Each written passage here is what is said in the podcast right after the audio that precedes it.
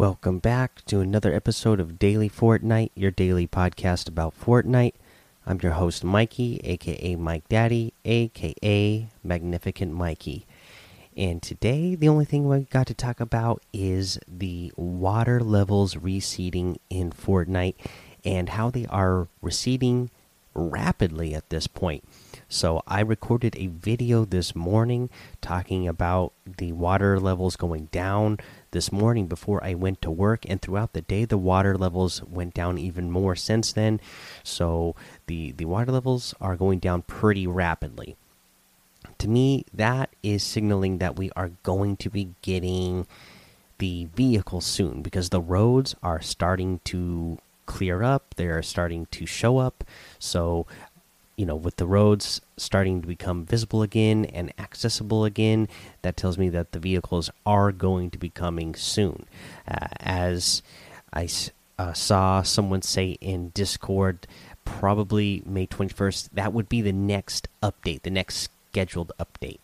Uh, yeah, it was Rocco who mentioned that. And that does sound right because uh, if you guys remember at the beginning of the season when they were talking about what they were going to do this season, there was going to be a two week period that they took a break uh, just to let the devs have a break during this time.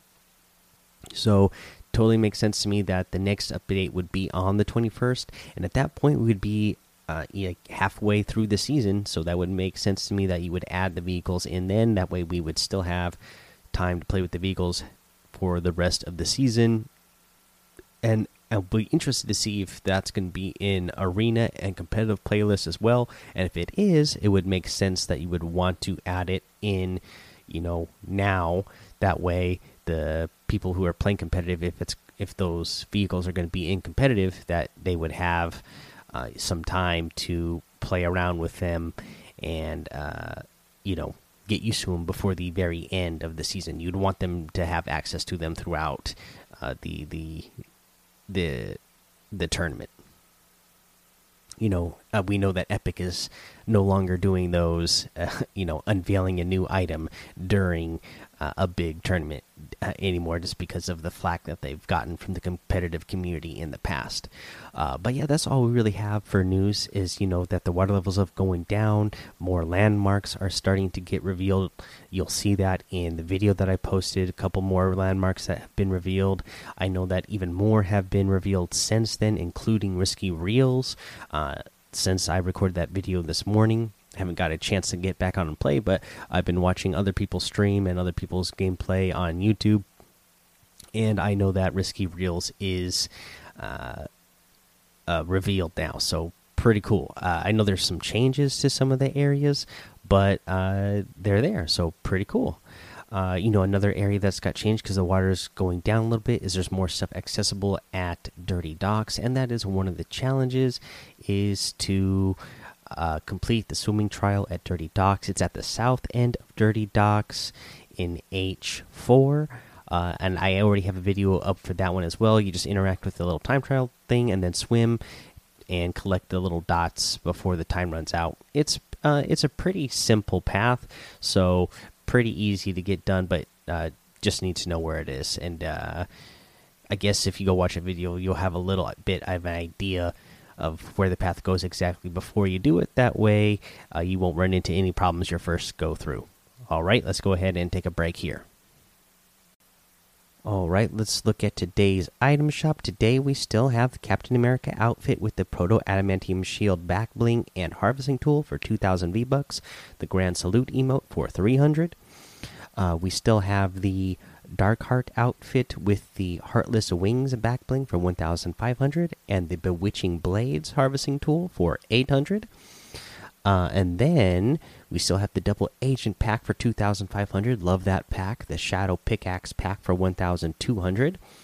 And then in today's uh, normal section, we got the Summer Drift outfit with the Uzi backbling for 1500 absolutely love this guy. Two styles as well if you don't remember. He's got the default where he's got no shirt with the lei over him and then the shirt style where he's got on like a hawaiian style summer shirt.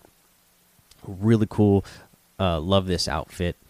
Uh, we have the dual edge harvesting tool for 1,000 tool 1200, the Kitsune wrap for 500, and the Drift Stream glider for 800. Really cool set in general. We have the Xena outfit with the Tropical Stash back bling for 1200. We have the Pina Clobbers harvesting tool for 500. Uh, we have the Power Cord outfit with the six string back bling for 2000. The Anarchy axe harvesting tool for 800 the stage dive glider for 800 you got the Maki Master outfit with the Shrimpy backbling for 1200, the studded axe harvesting tool for 800, and the windmill floss emote for 500, the hang loose emote for 200, the rock out emote for 800, and the commando outfit for 800. You can get any and all of these items using code MikeDaddy M M M I K E D A D D Y in the item shop, and some of the proceeds will go to help support the show. Now, for our tip of the day when you get in the game right now, if you haven't been on yet, you're going to see grayed out spots on the map again because those are the new landmarks and POIs that you can go to. That you can discover again. Now, I would highly suggest checking these out. Uh, and checking out other areas all around the map as the water goes down. Again, this season is really different from any season because we're starting with water levels, you know, at a certain height and then them going down is really changing the the landscape and the POIs uh, throughout the entire season. So it's it's good just to get familiar with the map and find out if any of these other areas are good spots that you know it might be new uh, landing spots for you.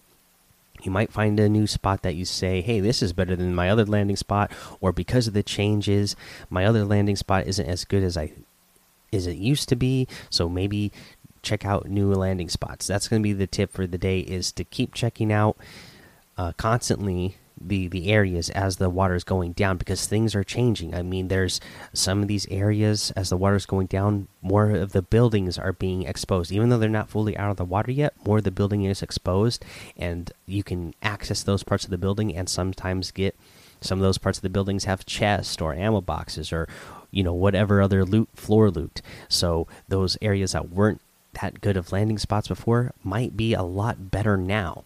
So go check them out.